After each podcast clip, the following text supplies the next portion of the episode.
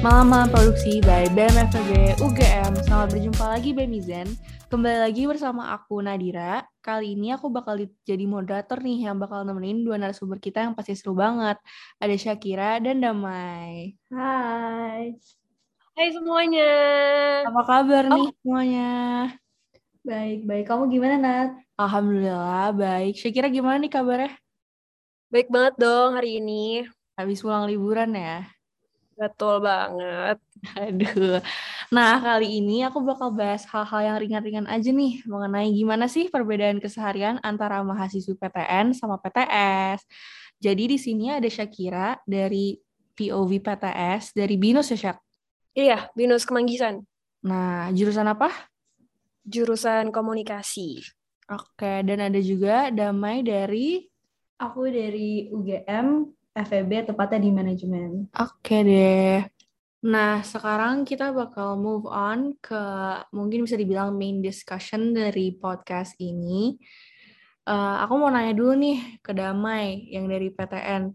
Kira-kira gimana sih keseharian kamu di UGM? Ngapain aja? Hmm, kalau aku sih kayak mahasiswa pada umumnya ya, Nat, yang pasti berusaha dapat nilai yang bagus, jadi belajar, join kelas. Tapi selepas kelas aku suka nongkrong bareng teman, terus aku juga kebetulan suka musik, jadi aku main gitar kalau lagi gabut. Dan aku berusaha produktif aja sih, tapi kadang kalau lagi penat-penatnya ya udah tidur aja. Iya sih, aku juga kayak gitu kok, guys. Nah, kira-kira Damai sekolah olahraga nggak sih di sela-sela kesibukannya? Hmm, kebetulan dulu aku tuh SMA sempat basket, tapi pas mulai ngincer PTN gitu ya, mungkin hobi aku di basket mulai berkurang. Tapi belakangan ini juga aku berusaha stay healthy asik. Jadi aku minggu setiap minggu berusaha yoga walaupun cuma 20 menit. Nah, aku juga nih sekarang lagi nyoba-nyoba yoga buat ngebenerin postur. Nah, kalau buat Syakira sendiri dari Binus, eh, kira-kira kesehariannya ngapain aja sih selain kuliah? Kalau keseharian aku jadi mahasiswa Binus, selain jadi mahasiswa, aku tuh sibuk eh, di kegiatan UKM gitu sih. Aku join kayak semacam ekstrakurikuler eh, radio. Jadi ya abis kuliah gitu atau kayak abis masuk ke Zoom, biasanya aku ada kegiatan di luar, yaitu eh, kerjain UKM aku. Itu aja sih paling. Nah, kalau Syakira sendiri hobinya apa nih? Tadi kan Damai aku nanya-nanya tentang olahraga. Kalau Syakira kira-kira hobi atau olahraga yang dilakuin apa aja? Sebenarnya aku bukan tipikal orang yang suka olahraga sih dan kalau hobi sebenarnya juga paling yang basic aja lah ya. Mungkin hobinya suka nongkrong kali ya atau nonton hal-hal yang yang standar aja sih. Sama sih kayak aku kerjanya nongkrong mulu nih. Nah, eh, kan tadi Syakira mention tentang ekstrakurikuler. Itu mungkin kayak organisasi gitu nggak sih? Bisa Iya, dibilang. bisa dibilang organisasi tapi lebih kayak ke UKM gitu. Kalian di UGM ada kan UKM? Ada kan ya? Ada, ada, ada. Kalau Ya. Damai sendiri ikut nggak sih organisasi gitu di UGM atau event? Eh, kebetulan aku tuh lagi di BEM di bidang eksternal, tepatnya di HDE Hubungan Diplomasi dan Eksternal. Eh, seru sih di BEM Nat. Tapi selain itu aku juga ikut beberapa kepanitiaan dari jurusan aku di manajemen. Salah satunya exposure itu kayak curated market gitu. Nanti datang ya tanggal 15 Juli di Ambarpo Plaza buat kalian di Jogja. Tuh guys, Jadi datang ya. promosi. Jadi emang kita mungkin bisa dibilang nggak sibuk akademik doang ya. Kayak event-event, organisasi juga ikutan. Biar nambah temen Hmm. juga nggak sih? Benar, nambah-nambah relasi dikit-dikit. Nah, eh, abis itu kira-kira kan kalian beda nih, beda universitas, ya kan? Kira-kira kenapa sih kalian tuh milih universitas yang kalian pilih? Kayak Syakira kenapa milih Binus, terus Damai kenapa sih milih Bin, eh milih UGM gitu? Mau dari siapa dulu nih? Dari Syakira dulu kali ya. Oke. Oke, sebenarnya agak agak lumayan panjang sih. Sebenarnya gue mi- sebenarnya aku milih jurusan eh eh sorry, aku milih kampus Binus itu sebenarnya bukan pilihan utama. Tapi eh dulu tuh kan aku sempat ya waktu angkatan kita ini daftar kuliah, aku juga sempat nyoba PTN, cuman kebetulan PTN yang aku ambil itu nggak keterima, jadi aku coba nyari swasta. Nah kebetulan banyak banget nih sepupu aku yang lulus dari sana, mereka yang kayak rekomen buat aku kuliah di BINUS ini dan katanya di BINUS ini banyak relasinya gitu. Jadinya akhirnya aku coba buat masuk dan akhirnya keterima. Makanya deh sekarang kuliah di BINUS. Oke, jadi walaupun end up di BINUS, Syakira sempat kayak orientasinya ke PTN juga ya, nyoba-nyoba Ya, juga. sempat, sempat, tapi nggak keterima. Nah, kalau Damai sendiri kenapa sih ini milih UGM? Kenapa nggak PTN yang lain? Kan banyak tuh. Hmm, kebetulan aku nyoba juga beberapa PTN lain seperti UI dan awalnya juga nggak mau di FEB sih Nat, tapi eh, ditolak ya guys. Jadi ya udah kita coba lagi di UGM.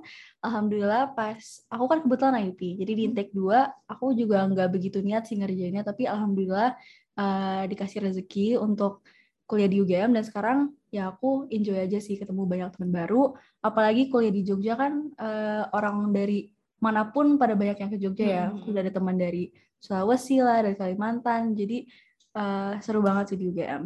Kalau Gitu. boleh tahu sebelum milih FEB tuh Damai mau masuk ke mana sih jurusannya? Aku mempertimbangkan masuk FH, tapi itu dia Hmm. kebetulan nggak keterima dan akhirnya aku di FEB. Tapi seru-seru aja. Oke, oke. Seru ya sama aku. Seru banget. Terus nih, Syakira kan dari komunikasi. Terus habis itu Damai itu dari manajemen. Kenapa sih milih jurusan itu kan kayak jurusan kan banyak banget tuh ya kan. Kalau Damai kan tapi awalnya pengen EVA. Tapi kenapa akhirnya milih manajemen dan komunikasi? Mungkin Damai dulu kali ya. Aku milih manajemen sebenarnya juga bukan salah satu pilihan utama ya, tapi dari kecil emang aku pengen jadi entrepreneur gitu. Contohnya pas aku masih SD, aku sempat bikin lemonade stand gitu, jualan kecil-kecil. Dan setelah aku lihat, aku tuh emang suka jualan, terus yang unsur-unsurnya dengan the business world gitu. Makanya eh, akhirnya aku dengan bantuan ayah sih, akhirnya milih ya udah manajemen aja gitu. Karena branch-nya juga nanti banyak, bisa ke marketing atau ke Hmm. human resource dan lain-lain. Jadi Gitu. ngikutin passion waktu kecil aja ya sebenarnya. Iya, opsi kedua sih sebenarnya ini. Atau mungkin kelima, tapi ya udah. Ya udah nggak apa, udah terlanjur nyemplung ya guys. Kalau Syakira gimana nih? Kenapa nih milih kom? Jadi sebenarnya nih ya, aku tuh dari dulu kepengen banget ngambil jurusan psikologi. Cuman waktu aku kelas 11, aku nyoba research kayak penjurusannya, aku ngerasa kayaknya aku lebih cocok sama eh, ilmu komunikasi ini gitu. Dan enaknya di BINUS, kalau misalnya kita ngambil jurusan komunikasi, itu udah kebagi dua. Jadi satu ada marketing communication, sama satu lagi ada mass communication. Jadi kayak kalau marketing itu eh, kemungkinan besar kayak kita tuh bakal kerjanya kayak di kantor, ya seperti kayak marketing kayak seperti biasanya lah. Cuman kalau misalnya di mass media, kebetulan aku ngambilnya mass media, eh, ini nih dia lebih kayak main di sosial media, kayak content creator, lebih kayak ke arah situ sih. Jadi eh, aku ngambilnya mass communication gitu. Jadi Syakira ini udah mempertimbangkan baik-baik kira-kira field mana yang mau dia masukin ya dengan milih Iya, jurusan mass communication. Nah, eh, abis itu kalian kan beda jurusan, beda universitas, yang satu PTN, yang satu PTS. Kira-kira aku pengen membandingin nih, eh, kira-kira kalian tuh cara belajarnya gimana sih, especially eh, dari dosen ke murid ya, atau dan cara belajar kalian masing-masing. Kira-kira ada perbedaan nggak sih antara PTN PTS cara belajarnya gitu? Mungkin dari siapa dulu yang mau? Aku kali ya boleh ya. Ini berarti dari tipikal dosennya atau cara kita belajar nih di kampus? Dua-duanya boleh. Mungkin dari tipikal dosen dulu kali ya. Kalau tipikal dosen, mungkin ada tiga tipe ya selama setahun aku udah kuliah di BINUS. Yang pertama itu ada dosen yang bener-bener dia nggak mau ngejelasin, jadi waktu lagi kelas itu kita yang ngejelasin, jadi kebalikan. Ada tipikal dosen yang kayak gitu. Dan ada juga tipikal dosen yang sejaman dia cuman kerjanya marah-marah, kayak ceramah dan nggak belajar. Sisanya ya kayak dia cuma nyuruh eh, ntar ada tugas habis selesai kelas gini-gini. Jadi pokoknya isinya kayak marah. Tapi yang terakhir ada dosen yang bener-bener kayak sesuai ekspektasi kita. Jadi yang kayak kita lihat mata kuliahnya nih kita ngebayang yang kayak wah berarti cara dosen ngajarin pasti seseru ini gitu. Dan ternyata waktu pertama kali kelas itu sesuai ekspektasi kita semua. Jadi cara dia ngejelasin itu kayak bener-bener bisa masuk ke otak kita langsung. Terus abis sela-sela belajar tuh nanti ada di saat di mana kayak dosen ini nyuruh kita untuk curhat kayak update live-nya kayak misalnya kita lagi putus sama pacar pun dia minta untuk sharing gitu. Ntar akhirnya solusinya tuh dia selalu masukin ke mata kuliahnya dia dan itu seru banget. Jadi tiap uh, dia ngasih tugas atau dia ngasih esai itu kita ngerjain bener-bener yang kayak sesuka itu pokoknya sama mata kuliah itu. Itu sih tiga tipe dosen yang selama setahun uh, aku kuliah di binus. Dan kalau tipikal belajar di binus itu kalau menurut aku sendiri tiap kelas itu BINUS kan selalu ngasih kayak tetap ada presentasi gitu ya lewat PowerPoint. Tapi di PowerPoint itu dia cuma masukin poin-poinnya aja. Jadi kalau misalnya kita nanti ada UAS itu nggak bisa kalau kita lihat dari PowerPoint aja. Jadi jadi kayak mahasiswa binus itu dipaksa untuk uh, baca buku. Kan bisa ada kan dari kayak buku online gitu. Nah, kita harus dipaksa untuk baca dan yang lebih detailnya lagi pelajaran ada di buku itu. Gitu aja sih. Jadi berarti emang harus ambis dan mencoba belajar sendiri ya kalau misalnya. Iya, belajar mandiri gitu. Nah, kalau di UGM sendiri gimana nih? Uh, sebenarnya di UGM banyak banget ya tipe-tipe dosennya kayak Syakira tadi. Uh, berdasarkan pengalaman aku, tergantung banget karena di UGM tuh ada dosen yang relatif lebih muda dan juga yang udah lebih tua.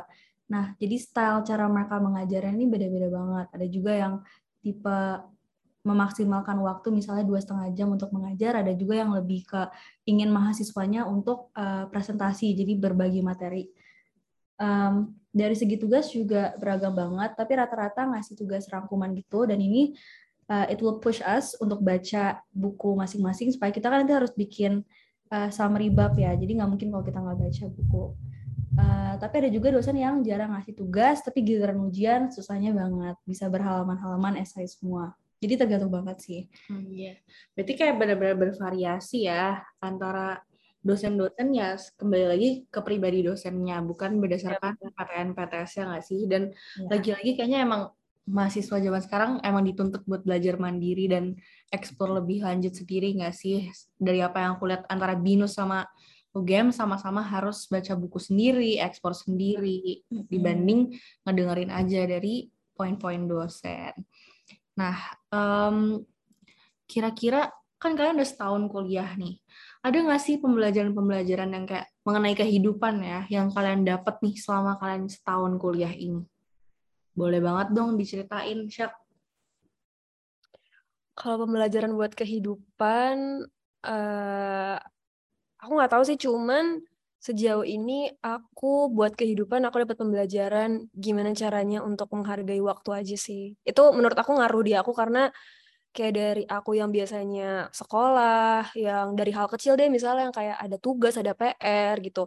Biasanya selalu ngerjain mepet-mepet dan kayak biasanya kalau dulu tuh kalau ada acara keluarga misalnya jarang ikut, mikirnya kayak ah nanti aja kan keluarga sering ketemu. Cuman kalau sekarang tuh dari hal, -hal kecil nggak tahu kenapa makin ke sini aku makin ngerasa kayak kalau waktu tuh benar-benar berharga banget. Jadi kayak misalnya ada tugas, enggaknya kayak aku tahu nih gimana aku ngatur uh, time management aku. Jadi biar nggak nabrak-nabrak gitu sih sejauh ini aku baru ngerasa itu aja sih. Iya sih, aku ngerasain banget kalau time management tuh benar-benar penting, apalagi di kuliah ini banyak banget nggak sih kegiatan kita dari organisasi, kuliahnya yeah. itu sendiri, mungkin kita magang juga, jadi benar-benar harus benar-benar ditata satu-satu, biar nggak kita ya makin pusing gitu. Nah, kalau damai sendiri apa nih? Boleh banget diceritain. Iya, aku setuju banget tentang beberapa poin yang tadi Shakira mention, apalagi mengenai time management. Penting kayak menurut aku tuh bikin to-do list gitu loh, kita mau accomplish apa aja, supaya ada balance uh, di antara organisasi, akademik, dan juga kita punya personal life.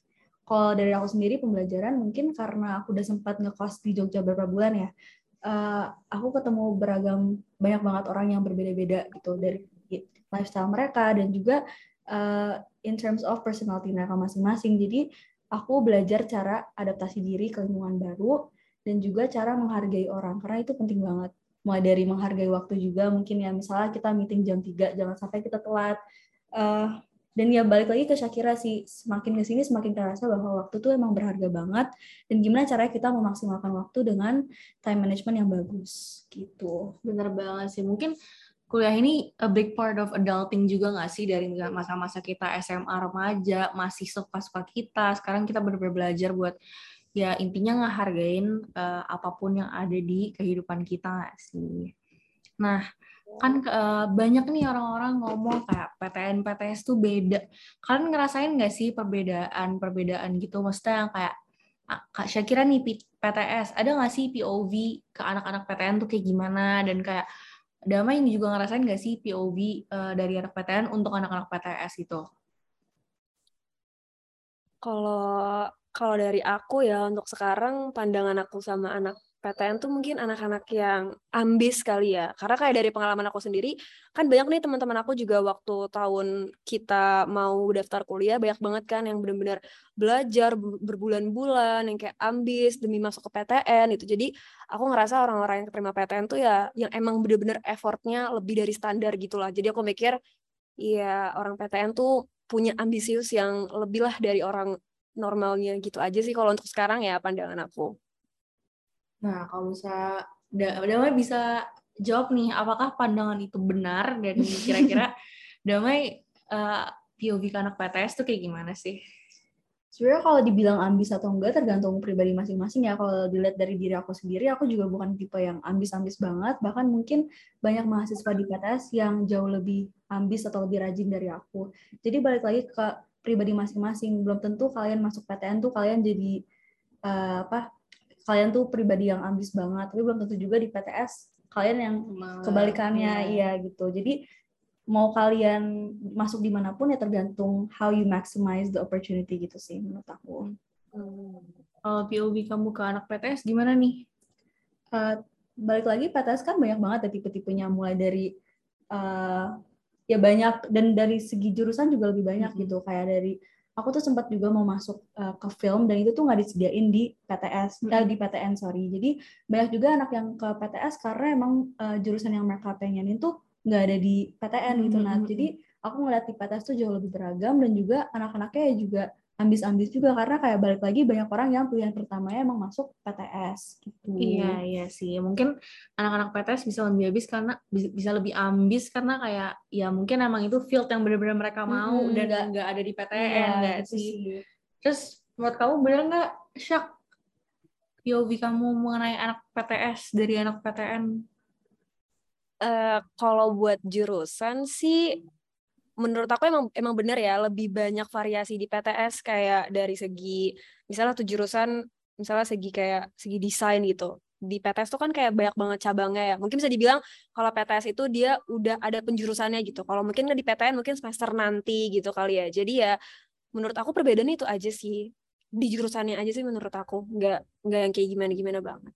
Iya sih mungkin PTS lebih uh, provide specified uh, major gitu nggak sih dibanding yeah. Ini mau nambahin lagi Nat, apalagi kayak universitas yang fokus ke bisnis ya. Mereka udah yeah. dari awal ada uh, branding lah atau langsung masuk ke marketing di mana kalau kita di FEB yeah. Iya. uh, belum bisa beli sampai mungkin nanti semester 6 ya. Iya, jadi gitu. mungkin kayak waktunya lebih dikit nggak sih ke hmm, specialized specified ya fieldnya. Nah, uh, terus kan setelah ngomongin uh, tadi nih uh, kalian ada nggak sih ngerasain hal-hal unik yang kayak kalau Syakira ada cuma di BINUS doang, terus kalau Damai ada cuma di UGM doang gitu, hal-hal unik?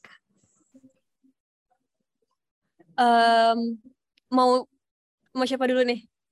Kamu deh, aku juga rada bingung nih pertanyaan. Okay. Sebenarnya kalau kalau hal unik aku nggak tahu ya, cuman mungkin ini yang ngebedain BINUS dari yang lain, aku nggak tahu, cuman uh, di seluruh kampus menurut aku ada tapi di binus nih nggak ada gitu. Itu menurut aku yang unik sih yang kayak kok nggak ada gitu.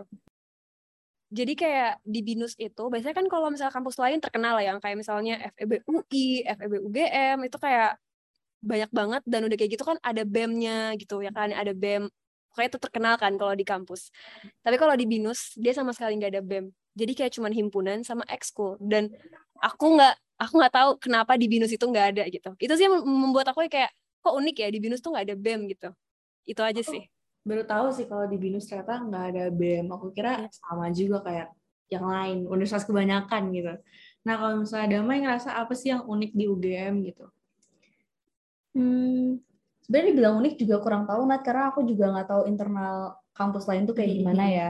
Cuman yang aku lihat di UGM balik lagi uh, beragam banget sih dimulai dari mahasiswa mahasiswanya dan juga dari segi dosennya. Mungkin karena emang dibilang Jogja itu kota pelajar ya Nat. Jadi sebanyak orang yang ke Jogja dan ya itu selama satu tahun ini aku bertemu dengan banyak banget orang.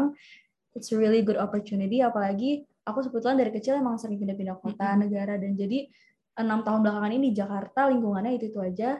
Jadi ya enak gitu ketemu dengan lingkungan baru dengan orang beragam. Tapi aku rasa hal ini juga bisa didapetin di kampus lain gitu. Tapi benar banget sih pas aku ngerasain juga di UGM itu benar-benar temannya benar-benar macam-macam ada yang dari Kalimantan dari Papua even ada mahasiswa-mahasiswa exchange juga dari luar negeri yeah. kan jadi benar-benar ngerasain banget sih gimana temenan, kenalan, interaksi sama orang-orang yang mungkin backgroundnya berbeda banget sama kita gitu.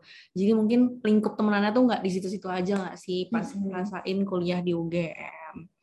Nah, ada nggak sih kayak hal-hal yang bikin kalian seneng gitu, betah buat kuliah, uh, buat Shakira di BINUS dan Damai di UGM? Menurut aku yang bikin betah lebih ke lingkungan aku, teman-teman aku yang bantu support aku, uh, walaupun ini balik lagi bukan jurusan yang aku pengen di awal, mm -hmm. tapi gara-gara lingkungan yang nyaman dan juga teman-teman yang membangun, uh, aku ngerasa betah banget sih di UGM dan gak sabar ngelanjutin uh, perkuliahan aku di UGM. Aku setuju banget sih kalau kayak faktor temen tuh bener-bener bisa banget ngerubah gimana cara kita berteman, hmm. gimana cara kita belajar, cara kita bekerja sama mungkin. Iya, pokoknya temen tuh bener-bener menurutku faktor penting banget sih. Hmm. Gitu. Kalau Shakira gimana nih? kalau menurut aku sendiri aku setuju banget sama sama damai soalnya menurut aku kan nggak mungkin kan kalau misalnya kita kuliah kayak cuman masuk nih ke mata kuliah kita belajar habis itu kita nggak ngapa-ngapain kan yang namanya manusia kan itu makhluk sosial ya nggak bisa sendiri. Jadi menurut aku kalau misalnya kalian belum nemuin lingkungan yang nggak tepat menurut aku ya itu satu faktor yang menurut aku nggak akan bisa nyaman. Cuman ya itu sih yang yang ngerasa bikin enaknya ya karena faktor lingkungan. Karena kan di saat kalian udah ketemu lingkungan yang sesama kayak kalian jadi apa aja pasti bakal ya dibilang nyambung dibilang enak gitu sih menurut aku. Sama sih hampir kayak damai gitu Iya, aku setuju banget. Emang bener-bener temen tuh penting ya guys. Di mana pun itu, mau di kuliah, sekolah, pekerjaan, pasti kita butuh banget uh, lingkungan yang nge-support kita gitu. Uh, mungkin nih kayak uh, last two question yang bakal kayak kita obrolin nih di podcast ini. Nah, uh, kan siap nggak sih kuliah offline? Karena denger-dengar kayak tahun depan, semester depan kita semua mahasiswa bakal offline nggak sih berhubung COVID udah turun juga? Eh, siap nggak? Damai siap nggak? Ditanya siap apa nggak siap ya mau siap nggak juga bakal offline ya suatu yeah. hari. Cuman uh, pasti ada beberapa perbedaan dan aku harus adjust diri sendiri mulai dari ke kampus karena kayak di FEB tuh sesi satu jam 7 pagi 7 ya pagi. Nat. Jadi di dari akunya harus berangkat dari kosan tuh dari sekitar jam satu udah maksimal iya. banget ya walaupun kosan aku dekat. Um, tapi kayaknya lebih seru offline juga deh karena pengalaman ketemu dosen langsung pembelajarannya juga mungkin lebih enjoy lebih banyak yang apa ya didapatkan gitu loh iya, bisa. kita bisa menggunakan fasilitas kampus juga iya. dan aku udah dapat kos sih jadi uh, insya Allah udah siap iya, bisa gitu. bisa kayak langsung ngobrol sama temen -hmm. juga bisa ya lebih enak sih mungkin terus kayak apalagi hal-hal organisasi yang tadinya online jadi gitu-gitu aja kan kalau misalnya offline jadinya lebih iya. seru nggak sih? Iya banget event uh, melalui platform Zoom sama secara langsung gitu iya. di sebuah uh, event venue sorry. Pasti kan euforianya juga lebih mm-hmm. lebih lagi ya, lebih seru. Nah kalau Shakira nih kira-kira siap nggak nih kuliah offline? Kalau sebenarnya nggak 100% siap sih ya lebih iya bisa dibilang 70% siap. Soalnya kayak sebenarnya aku juga kepengen sih kayak ngelihat dosen secara langsung ngejelasin kita terus yang kayak secara langsung kita kayak duduk di kelasnya gitu. Karena aku ngerasa kayak mungkin lebih berinteraksi kali ya sama dosen gitu. Tapi yang aku nggak siapnya sih mungkin kayak hal, hal kecil sih. Kayak misalnya kan kita nih kalau aku sendiri aku ada kelas pagi. Jadi kemungkinan kayak ya aku bakal bisa bangun pagi lebih pagi lagi yang biasanya aku bangun 20 menit sebelum kelas aku harus bangun kayak sejam sebelum aku kelas. Aku harus bawa mobil sendiri. Mungkin hal-hal perihal kecil itu sih yang kayak menurut aku waduh kayak siap siap nggak ya? Karena kan kayak udah hampir beberapa tahun ya kayak dari dari SMA tuh kita online. Jadi ya hal-hal kecil aja sih yang kayak harus aku coba adaptasi lagi. Itu aja sih. Iya sih bener banget, apalagi dua tahun ini bener-bener jatuhnya keenakan ya kita iya. online, iya. jadi kayak kita harus bener-bener ya adaptasi lagi sama culture-culture di offline gitu kan kita nggak bisa nih ke kampus nggak mandi pakai piyama kan nggak mungkin ya. Nah kira-kira nih kalian kepikiran nggak sih buat lanjut study abroad nantinya kayak lepas dari PTN dan PTS kan ada opportunity lain buat kuliah di luar negeri gitu kan. Nah, kira-kira kalian tertarik nggak sih entah nanti mungkin exchange, kalau damai kan uh, eh, IUP, jadi mungkin nanti bisa double degree atau single degree, atau mungkin S2 atau summer course dan yang lainnya. Kan kira-kira kalian tertarik nggak sih?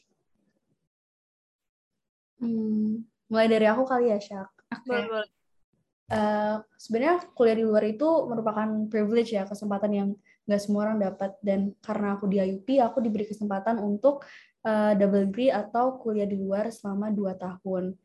Aku rencananya mau ngambil si program ini uh, targetnya mau kuliah di Belanda, mau doanya guys supaya keterima. Amin. Doain kita ya berdua.